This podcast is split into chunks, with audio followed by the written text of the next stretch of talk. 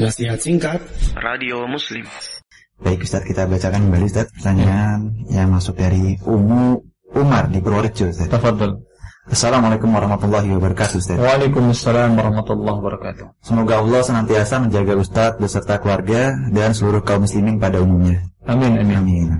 Ustaz, apakah masih diperbolehkan apabila sholat Idul Adha besok dilakukan bersama keluarga di rumah? Dalam artian tidak di lapangan atau di masjid Ustaz. Mengingat pandemi masih terjadi hingga saat ini. Ya, apakah boleh Ustaz? Ya, jazakumullahu khairan wa barakallahu fikum. Baik. Ustaz. Uh, wa fikum barakallah wa jazakillahu khairan. Kembali kepada kaidah tentang melakukan salat baik Idul Fitri ataupun Idul Adha uh, sebagaimana juga yang disampaikan oleh para masyayikh yang kalau di antara ustadz di Indonesia seperti Ustadz Piranda, ya, Ustadz dan yang lainnya ya memperbolehkan memberikan udur kepada kita untuk melakukan sholat baik Idul Fitri ataupun Idul Adha ya dengan berjamaah di rumah.